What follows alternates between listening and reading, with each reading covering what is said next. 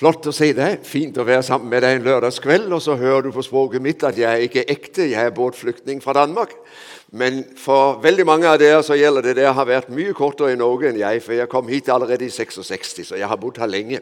Har fått lov å være bibellærer i mange år, både på bibelskole i Oslo og på bibelskole i Grimstad, og har ved Guds nåde fått lov å reise omkring med Guds ord et helt liv, og er uendelig takknemlig for det. I kveld skal vi altså få lov å være sammen med en spennende kar fra Det gamle testamentet som heter Esekiel. Eh, det gamle testamentet er ikke så lett tilgjengelig. Det er atskillig enklere å venne seg til det nye. Og Derfor så er min anbefaling, hvis du ikke har lest mye i Bibelen, les sånn som Markus evangeliet eller Johannes evangeliet i Det nye testamentet. Det er godt å begynne der. Men på et eller annet tidspunkt så må du bevege deg over i Det gamle testamentet. Og la meg, før jeg sier mer om det, si til deg vi er forskjellige, vi mennesker. Heldigvis. Noen av oss er sånn at vi har det som Esekiel. Vi spiser bøker.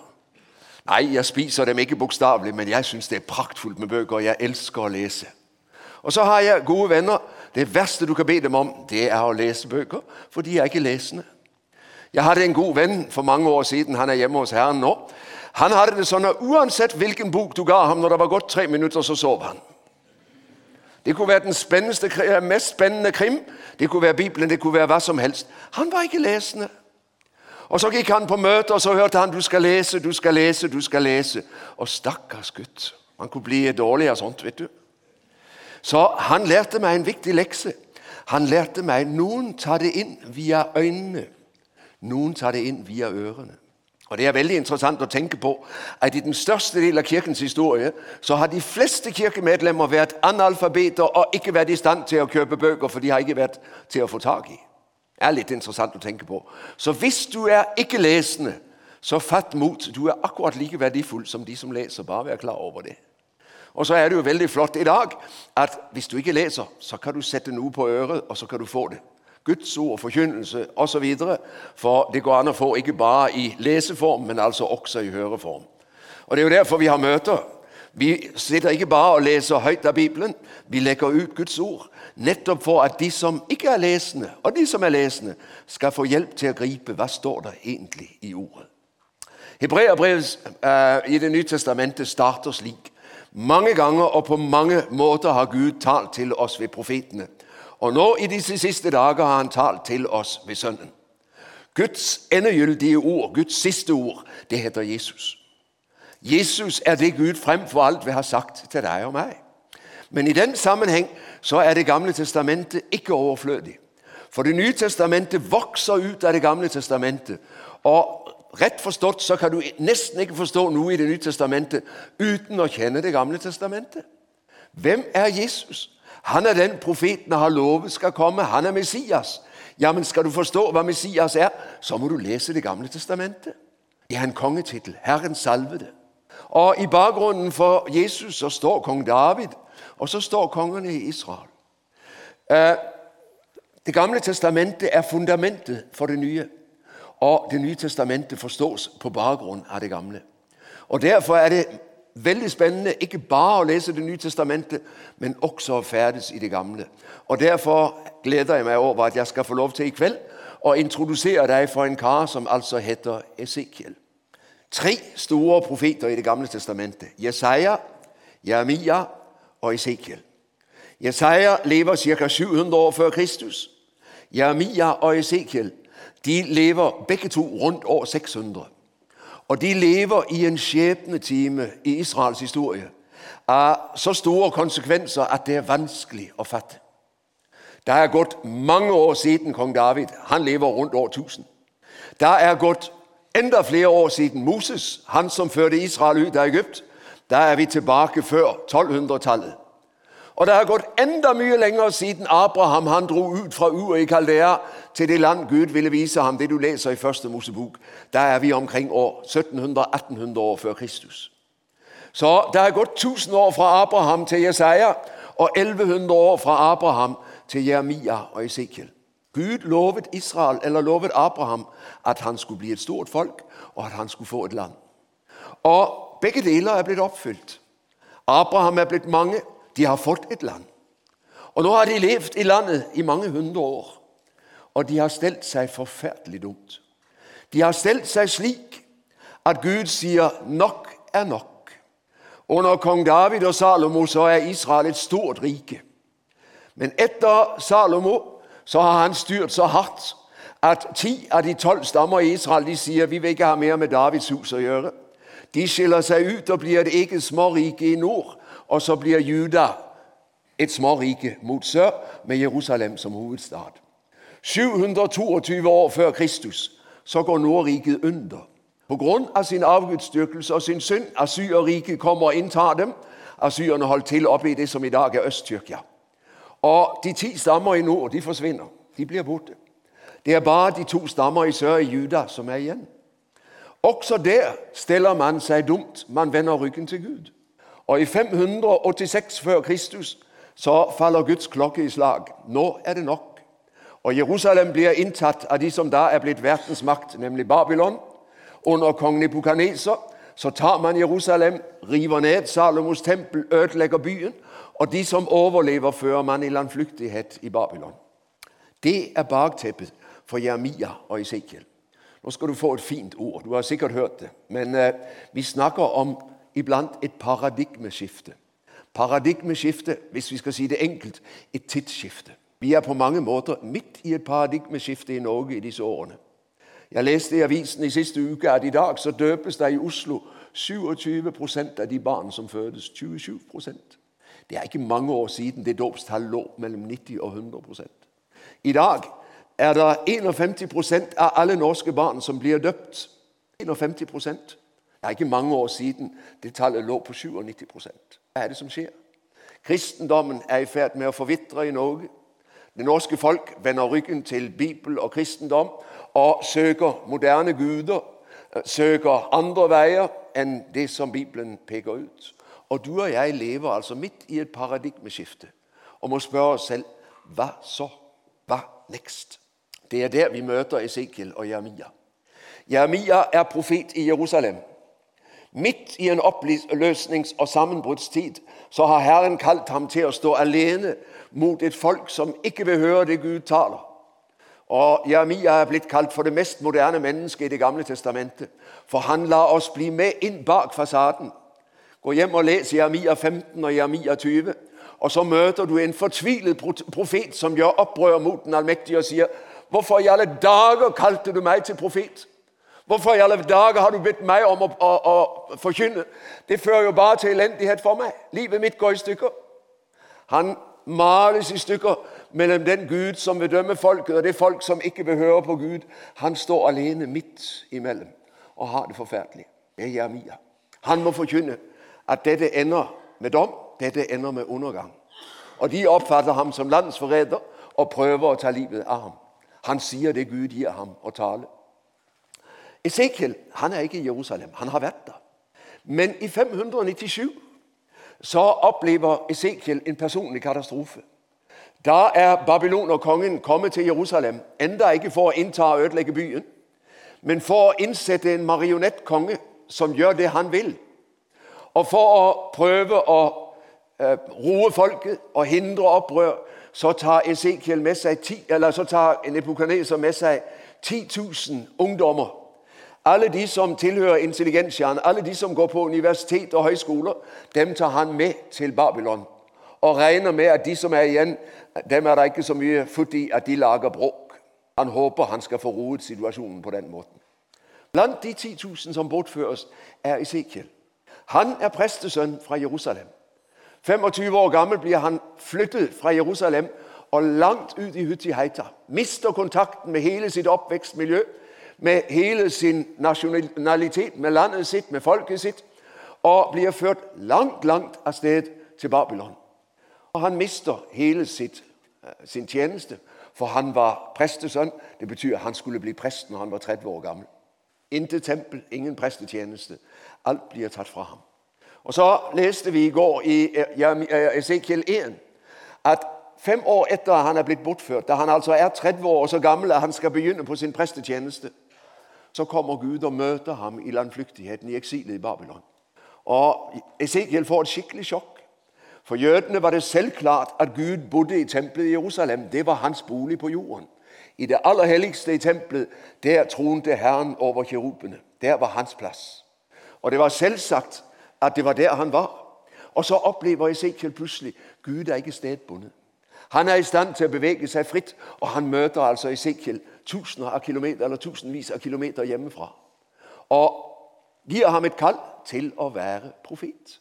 Viser Esekiel 'Jeg er Gud, jeg har makten'. Også nå, når det ser ut som om alt går under. Det er meg som styrer Esekiel. Og så blir Esekiel kalt til profet. Og hans profettjeneste faller i to veldig klart atskilte bolker. I 592, når han kalles til profet, så eksisterer fortsatt Jerusalem og Juda. Og Esekiel får i oppgave å forkynne Juda og Jerusalem skal gå under. Guds dom kommer. Det er ikke noe behagelig budskap, for de som er født i landflyktighet, de sitter og venter på at de skal komme hjem. De venter på at Gud skal føre dem hjem, og nå får de å vite at det blir ingen hjemferd i denne omgang. I 586 så faller Jerusalem. Så inntar eh, Nebukadneser byen, og det ser ut som om Israel er opphørt å eksistere. Alt synes å være forbi. Men akkurat da kommer Herren til profeten med et nytt kall. For nå når folket er gått under, når dommen er falt i slag, når det har skjedd det som profeten har forkynt, så skal han få et annet budskap. Og Så kommer Gud og sier til ham, 'Nå skal du forkynne til mitt folk.' I undergangens time. Oppstandelsen venter. Det er fremtid og håp. Vi skal tale om det i morgen formiddag. Gud har en fremtid for sitt folk. Du finner disse to bolker veldig klart atskilt i profetboken når du leser den. Fra kapittel 4 til kapittel 32 har du Esekiels domsprofetier. Fra 33 til 48 har du hans frelsesprofetier, det han forkynner etter 586. I kveld skal vi bevege oss i et stort syn som Esekiel får. Vi er i 591. Det har gått et år siden Herren kalte ham til profet. Og han har fått besøk, Esekiel. En del av Israels eldste, av disse som er ført i landflyktighet, disse 10 000, de er kommet til ham. For de vil ha profeten til å fortelle dem hvornår kan vi reise hjem nå er vår utlendighet slutt. Nå er tiden for at vi igjen kan få lov å bo i Jerusalem. Og Mens de sitter i huset hos Esekiel, så opplever Esekiel at Herren flytter veggene og huset og Babylon. Og så blir han altså i ånden med på en reise og blir plantet midt i Jerusalem, midt i tempelet. Og Det som venter ham der, det er et sjokk. Han er kommet til Herrens hus. Den eneste som ikke får oppmerksomhet i Herrens hus, det er Herren. For i dette hus er man fullt opptatt med å dyrke avguder herfra og derfra. Menn og kvinner, prester og ledere. Alle er de opptatt med sin avgudsdyrkelse. Vender ryggen til Gud, dyrker solen, dyrker den ene Gud og den andre Gud. Den eneste de ikke venner seg til, det er ham som bor i tempelet, Herren selv. Ham har de glemt. Så galt er det gått med Kirken at den har glemt den Herre som har skapt Kirken. Ja, unnskyld, jeg bruker moderne uttrykk. Men altså, gudsfolket har glemt hvem de tilhører, og de har glemt sitt kall. Og så har de hengitt seg til avguder. Du skal ikke ha andre guder for meg. Det var det første bud Moses fikk på sine hei. Det er selve grunnlaget under Israels liv. Og nå har altså folket gjort det at de har sagt nei takk til Gud. Vi søker våre egne guder i stedet. Og så er de forferdelig moderne. Og det er jo akkurat der vi er. ikke sant? Vi dyrker guder så det står etter i Norge i dag. Religiøsiteten lever i beste velgående. Bare vi kan slippe å forholde oss til Jesus. Bare vi kan slippe denne kristendom og de greiene, for det er noe tørre greier. Og så dyrker vi ditt, og så dyrker vi datt. Det er Buddha, og det er Muhammed, og det er oss selv aller mest. Vår egen velferd og alt det som handler om jeg og meg og mitt, det har vi satt i sentrum. Og der befinner vel storparten av det norske folk seg. Det vemodige er dette har spredt seg langt innover, også i det som heter Guds kirke. Vi er fanget av en tendens til at vi må tilpasse oss. Vi må passe oss og si det folk gjerne vil høre. Vi må ikke si noe som støter folk, for det er så ubehagelig. Og Folk må jo kjenne at de er velkomne i kirka og på bedehus. ikke sant? Og Da må vi prøve å møte dem der de er. Og Derfor toner vi ned talen om Herrens dom. Vi toner ned talen om de to livsutganger. Og så sier vi alt går bra, og alle blir frelst til slutt, og du behøver ikke være redd, og Gud er nådig. Amen. Er løgn. Og det er der Esekiel er. Og han ser denne situasjonen og blir satt av Gud til å forkynne dette for de bortførte. Nei, det er ikke noe håp om hjemkomst. For i Jerusalem så florerer avgudsdyrkelsen. Folket har vendt seg fra Herren, og Herren sier nok. Nå er det slutt. Og så får Esekiel fra kapittel 8 til 11 Hvis du vil lese denne visjonen, så er det altså de kapitlene Det begynner i kapittel 8 vers 1, det går ut kapittel 11. Og I løpet av de kapitlene så får Esekiel i kapittel 8 se avgudsdyrkelsen i Jerusalems tempel. Og i kapittel 9, 10 og 11 så får han se at Guds dom utfolder seg. Hvordan Jerusalem går under i Guds dom. Det som Nebukadneser altså er redskap til sammen med babylonerherren. I den sammenheng så ser han noe aldeles nifst. Han ser at Herren reiser seg fra det aller helligste, der han troner over kirubene. Flytter seg ut til inngangen til tempelet. Og i neste omgang ut av tempelet ved inngangen til hele tempelforgården. Og til slutt ut av hele Jerusalem. Herren forlater den byen som han har skapt, og som egentlig er viet ham. For det er hans by. Det er her hans folk bor. Men hans folk er kommet så langt fra ham at han sier 'jeg kan ikke være her lenger'. Og så drar Gud ut av byen. Hvis du har lest i Johannes' åpenbaring kapittel 2, så har du lest om menigheten i Efesos. Herren sender et brev til menigheten i Efesos og skriver mye positivt til dem. Men han skriver også 'Jeg har imot deg at du har forlatt din første kjærlighet'. Se til hvorfra du falt, og vend om, ellers kommer jeg over deg og flytter lysestaken fra dens plass. Johannes har på Patmos sett sju lysestaker som symboliserer de sju menigheter som Johannes' åpenbaring skrives til. For menigheten er jordens salt og verdens lys. Hva er skjedd i Efesos? Lyset er slukket. Der står en tom lysestake. Den har ingen funksjon. Hvis ikke de vender om. De har forlatt sin første kjærlighet. Hva er det å forlate sin første kjærlighet? Jeg har vært lykkelig gift med den samme jente i 53 år, og det er den flotteste jente jeg kjenner. Jeg vet ikke noen flottere enn henne. Kjærligheten er grunnlaget for vårt fellesskap. Å forlate sin første kjærlighet og finne seg en annen. Hva hadde skjedd i Efesos? De var blitt så opptatt av å tjene Herren at tjenesten hadde tatt Herrens plass. Jesus var blitt en fremmed i menigheten, enda de påsto at det var ham de dyrket. Det kan skje. Du og jeg kan bli så opptatt med tjenesten for Jesus at Jesus han får rykkes ut i periferien. Og det er livsfarlig. For den første kjærlighet i ethvert kristen menneskes liv, det må da være ham som har gitt livet for oss. ikke sant? Han er verdt alt min kjærlighet, for han har gitt alt for meg.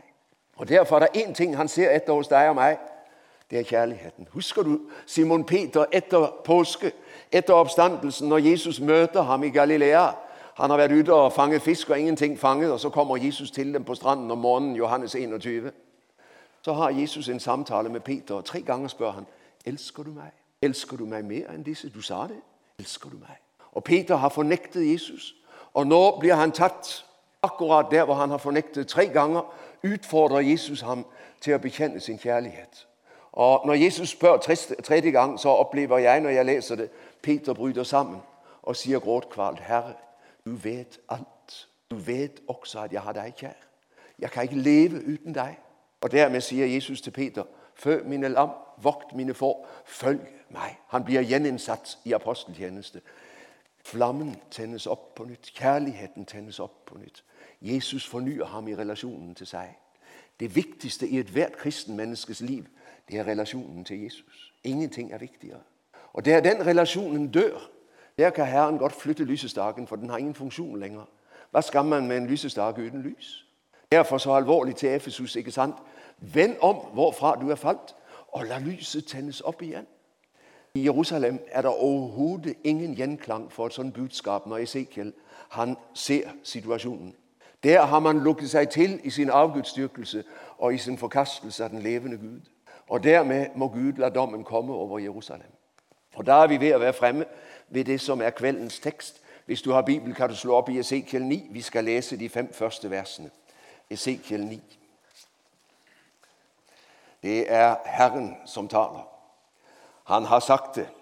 Prøv å se i vers 16 i kapittel 8. Det er en kase eller en, en uh, engel som fører Esekiel rundt i tempelet. Og Fra vers 16 leser vi meg. Så førte han meg til den indre foregående i Herrens hus. Og Der ved inngangen til Herrens tempel mellom forhallen og alteret sto omtrent 25 mann med ryggen mot Herrens tempel og med ansiktet vendt mot øst. De bøyde seg mot øst og tilbar solen og vendte ryggen til Gud. altså. Da sa han til meg, har du sett det menneske? Er det ikke nok at Judas hus driver med alt det avskyelige som de gjør her? For de fyller landet med vold, og slik gjør de meg rasende. Se hvordan de holder vinranken opp foran nesen. Så vil jeg også handle i vrede. Det er Herren som taler. Jeg viser ingen medfølelse, jeg skåner dem ikke. Om de roper aldri så høyt i øret på meg, hører jeg ikke på dem. Og så kommer teksten. Han ropte høyt mens jeg hørte på. Straffen over byen er nær. Hver og en må ha sitt ødeleggelsesvåpen i hånden. Og se, seks menn kom fra øverporten som vender mot nord, hver med sitt drapsvåpen i hånden. En av dem var kledd i lin og hadde skrivesaker i beltet. De kom og stilte seg ved siden av bronsealteret. Da løftet Israels Guds herlighet seg opp fra kirupene som den hadde vært over, og flyttet seg til terskelen i tempelet. Herren ropte til mannen som var kledd i lin og hadde skriveutstyr i beltet, og Herren sa til ham, Gå gjennom Jerusalem by og sett et merke i pannen på de mennene som sukker og stønner over alt det avskyelige der. Ja, Guds dom er ikke noe hyggelig emne. Er det det på en lørdagskveld? Når man skal ned og drikke kaffe og hygge seg? Jeg beklager at jeg ødelegger kvelden for deg, men det er et emne som går gjennom hele Skriften. Helt fra beretningen om Noah og syndfloden, om Sodoma og Gomorra, gjennom profetbøkene og frem til Johannes' åpenbaring. I overmorgen skal jeg til Oslo og undervise på eh, bibelkveld i misjonssalen. Der sitter 300-400 unge mennesker sånn som dere og lar seg undervise hver mandag. Sist mandag var jeg der også, og disse to mandagene gjennomgår jeg Johannes' åpenbaring. Og det er sterke saker. Og kjære tid. Om Guds dom over verden, om den gamle verden som går under for å gi plass til en ny verden. Om synden som høster sin lønn som Guds dom og verdens undergang. Det er barskt. Jeg har møtt folk underveis i livet som har sagt til meg den boken leser jeg aldri, for den er så nifs. at Jeg orker ikke å lese den, og jeg skjønner den på en måte. Men den står altså i Det nye testamentet. Jesus kom nærmere byen, forteller Lukas i Lukas 19. Og Da han så byen, så gråt han og sa, 'Visste du blott på denne din dag hva som tjener til din fred?' Men nå er det skjult for dine øyne. Se, dager vil komme da fienden slår opp sine volder omkring deg, og så går Jerusalem under. Du kan si 'Jeg liker det ikke'. Jeg vil ikke høre det. Men la det være helt klart. Gjennom hele Skriften så er det helt tydelig at for det enkelte menneske og for slekten så kommer det et livsoppgjør. Gud har gitt oss livet. En dag kommer han og kaller oss til regnskap for det liv vi fikk. Og Bibelen sier den som den dagen skal møte Guds dom alene, har ikke en sjanse. Han er retningsløst fortapt. Den eneste muligheten jeg har, det er den frelse Gud har sendt meg i Jesus Kristus. Paulus skriver det i 2. Korinterbrev 5, vers 10. For vi skal alle frem for Kristi domstol, for å få igjen ettersom enhver har gjort, godt eller ondt. Det kommer en dag i ditt og mitt liv da Gud kaller oss til regnskap for livet vårt. Du kan like det eller la det være. Og kirken, Mange prester i dag vil fornekte dette og si ikke hør på det. Vi blir frelst alle sammen til slutt. Bibelen sier ikke det. Bibelen sier noe annet. Og Vil du ta Bibelen på alvor, så er du nødt til å høre dette sterke ordet. Det er Jesus som sier det i Lukas 12. Frykt ikke for dem som slår legemet i hjel. Nei, jeg har ikke noe behov for å bli martyr. Jeg må bare si det. Jeg kjenner gysen når jeg ser at kirken i Kina nå igjen blir forfulgt, og at mennesker blir drept for Jesus skyld. At kirken i Iran blir forfulgt, og mennesker blir drept for Jesus skyld. Kirken i Egypt blir forfulgt, og mennesker blir drept for Jesus skyld. Og jeg tenker med gysen på de som sitter år etter år i fengsel og blir torturert for sin tros skyld i Pakistan, på Indonesia og hvor det er henne. Men Jesus sier frykt ikke for dem som slår legemet i hjel. Det fins noe som er mye verre. Frykt for ham som har makt til å kaste sjel og legeme i helvete. Ham skal dere frykte. Det er det store livsalvoret. Og det livsalvoret det er ikke en av oss slipper unna. Du kan nekte det så mye du vil. Du kan si du tror ikke noe på denne boken, det er bare eventyr, jeg vil ikke høre på den. Men det står der like fullt. Og legg merke til, det er ikke noe mennesker har funnet på, det er Guds tale. Gud kaller oss til regnskap for livet vårt. Og det er litt av et alvor. For Skriften gjør det klinkende klart Sammen med Jerusalem i år 586 så har du og jeg ikke noe å møte ham med annet enn våre synder. Det er ikke veldig hyggelig. Det betyr egentlig at jeg er fortapt. Og Skriften sier ja, det er du. Paulus skriver det i Romerbrevet 3. For det er ingen forskjell. Alle har syndet og har ingen del i Guds herlighet. Der er vi. Nei, det er ikke noe hyggelig. Hva i alle dager skal jeg gjøre? Og da er det det er spennende, det som står her i Esekiel 9. Det er et profetord som gjelder da, og som har implikasjoner for deg og meg også. For når Guds dom skal til å gå over Jerusalem i 586, så sender han ut noen domsredskaper. Men en av disse, som sendes ut, han har skrivesager ved beltet. Han er annerledes enn de andre, og han har en spesiell oppgave. La meg få lov å lese det for deg en gang til. Det står her i vers 5. Herren sa til ham, Gå gjennom Jerusalem by og sett et merke i pannen på de mennene som sukker og stønner over alt det afskyelige der. Vældig interessant å kunne litt hebraisk. For det, som står på hebraisk, det er ikke at sætte et mærke i panden, men der står det sæt en tau i panden. Tau er den siste bokstav i det hebraiske alfabet, som det gamle testamentet er skrevet på. Og vet du, hvordan en tau ser ut? Den har form som et kors. Det han får vite, denne mannen, det er, gå gjennom Jerusalem og korsmærk alle dem, som sukker over synden, som altså søger Herren, og som er elendige ved det, at synden har fått makten i Jerusalem. Før Gud lar sin dom slippe over, Jerusalem og Juda, så skal Gud først sørge for å merke de, som er hans, for å berge dem fra dommen. Husker du den gamle beretningen om Abraham, som bar for Sodoma og Gomorra? Herre, er det 50 rettferdige, så kan du ikke lade byen gå til grunde. Er det 40, så kan du ikke lade byen gå til grunde. Er det 30 rettferdige? 20, 10. Og Herren sier, du skal få det, som du vil, Abraham. Er det ti rettferdige, så skal Sodoma og Gomorra ikke gå under. Det viste seg der var tre. Lot og hans to døtre, det var det, som var. Og Herren sørget for å berge dem ut før dommen slapp løs. Gud ønsker ikke å dømme. Gud ønsker å frelse. For så høyt har Gud elsket verden, at han ga sin sønn den innbårne, for at hver den, som tror på ham, ikke skal gå fortapt, men ha evig liv. Gud ønsker å frelse. Det tragiske er, at så mange mennesker ikke vil ha Guds frelse. Men så lenge det er håp, så prøver Gud å merke de, som sørger over synden, og som søker ham, fordi han vil berge dem gjennom sin dom. I Esekiel, 5, eh, Esekiel 9, så foregår merkingen altså på den måten, at en mann sendes ut i byen for å sette en tau, et korsmerke, i pannen på alle de, som hører Herren til. Hvordan foregår det i den nye pakt i oppfyllelsens sammenheng? Ja, da er det veldig spennende å lese Johannes åpenbaring.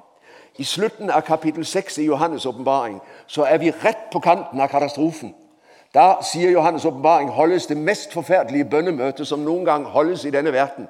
For alle, rike og mektige og fattige og treller, de samles i hulene, i fjell, fjellhulene og roper til fjellhulene. Fall over oss og skjul os for hans vrede, som sitter på tronen, og for lammets vrede. De skjønner, at de har brukt tiden feil. De skjønner, at de er fortapt. Og så stiller de spørsmålet i slutten av kapittel 6. Hvem kan da bli stående? Og så kommer kapittel 7 med svaret.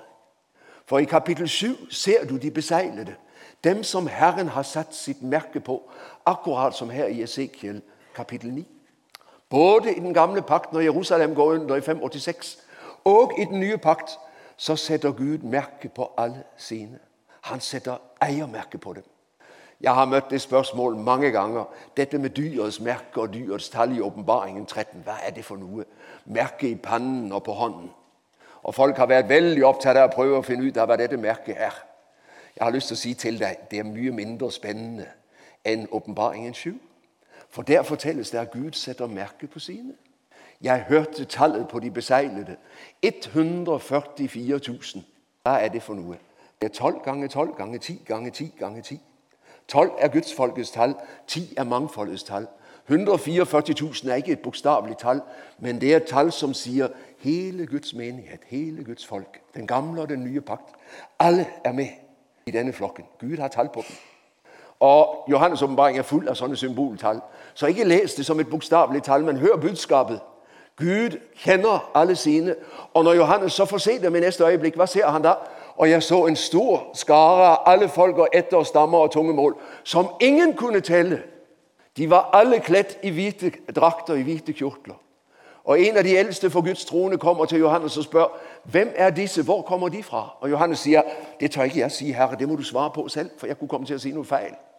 Og den eldste sier dette er de, som kommer ut av den store trængsel, og har tvettet sine kjortler og gjort dem hvite i lammets blod.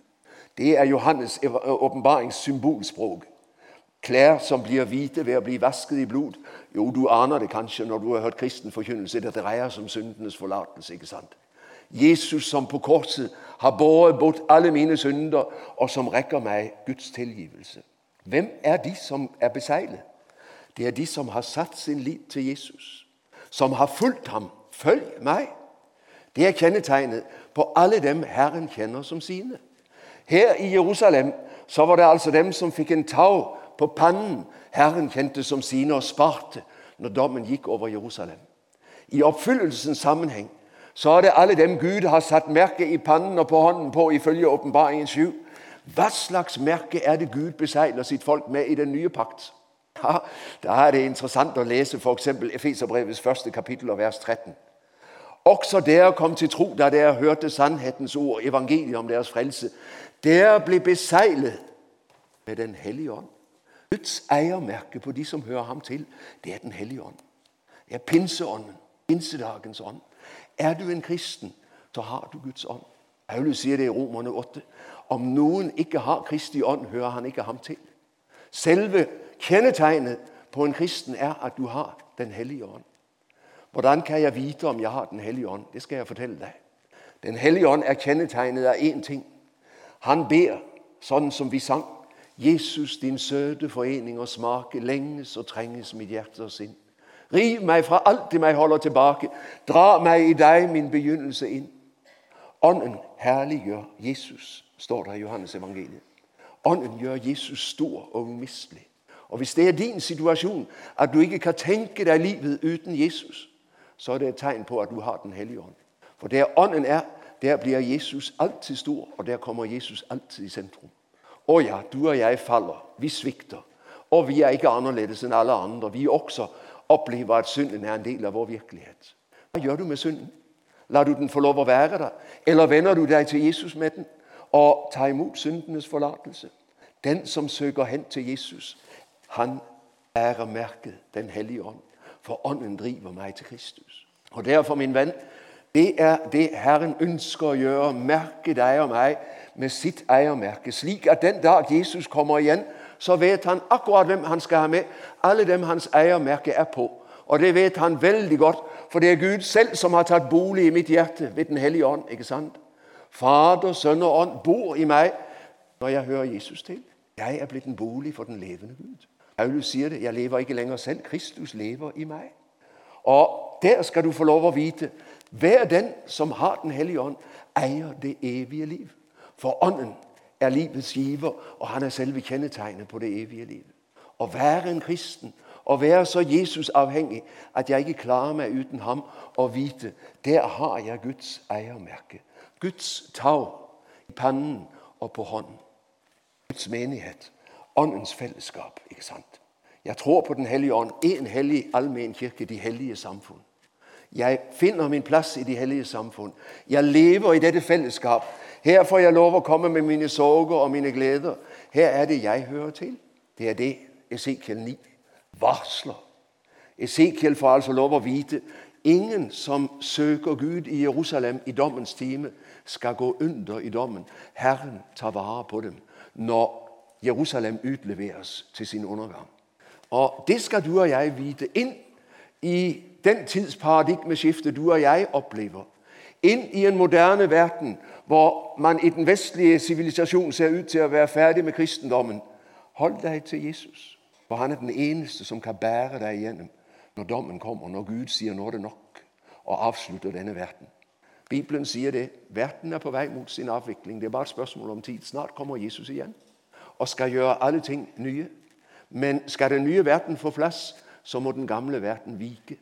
Og Derfor er den gamle verden under avskrivning. Det ser du gjennom hele Det nye testamentet. Jesu gjenkomst er knyttet til det.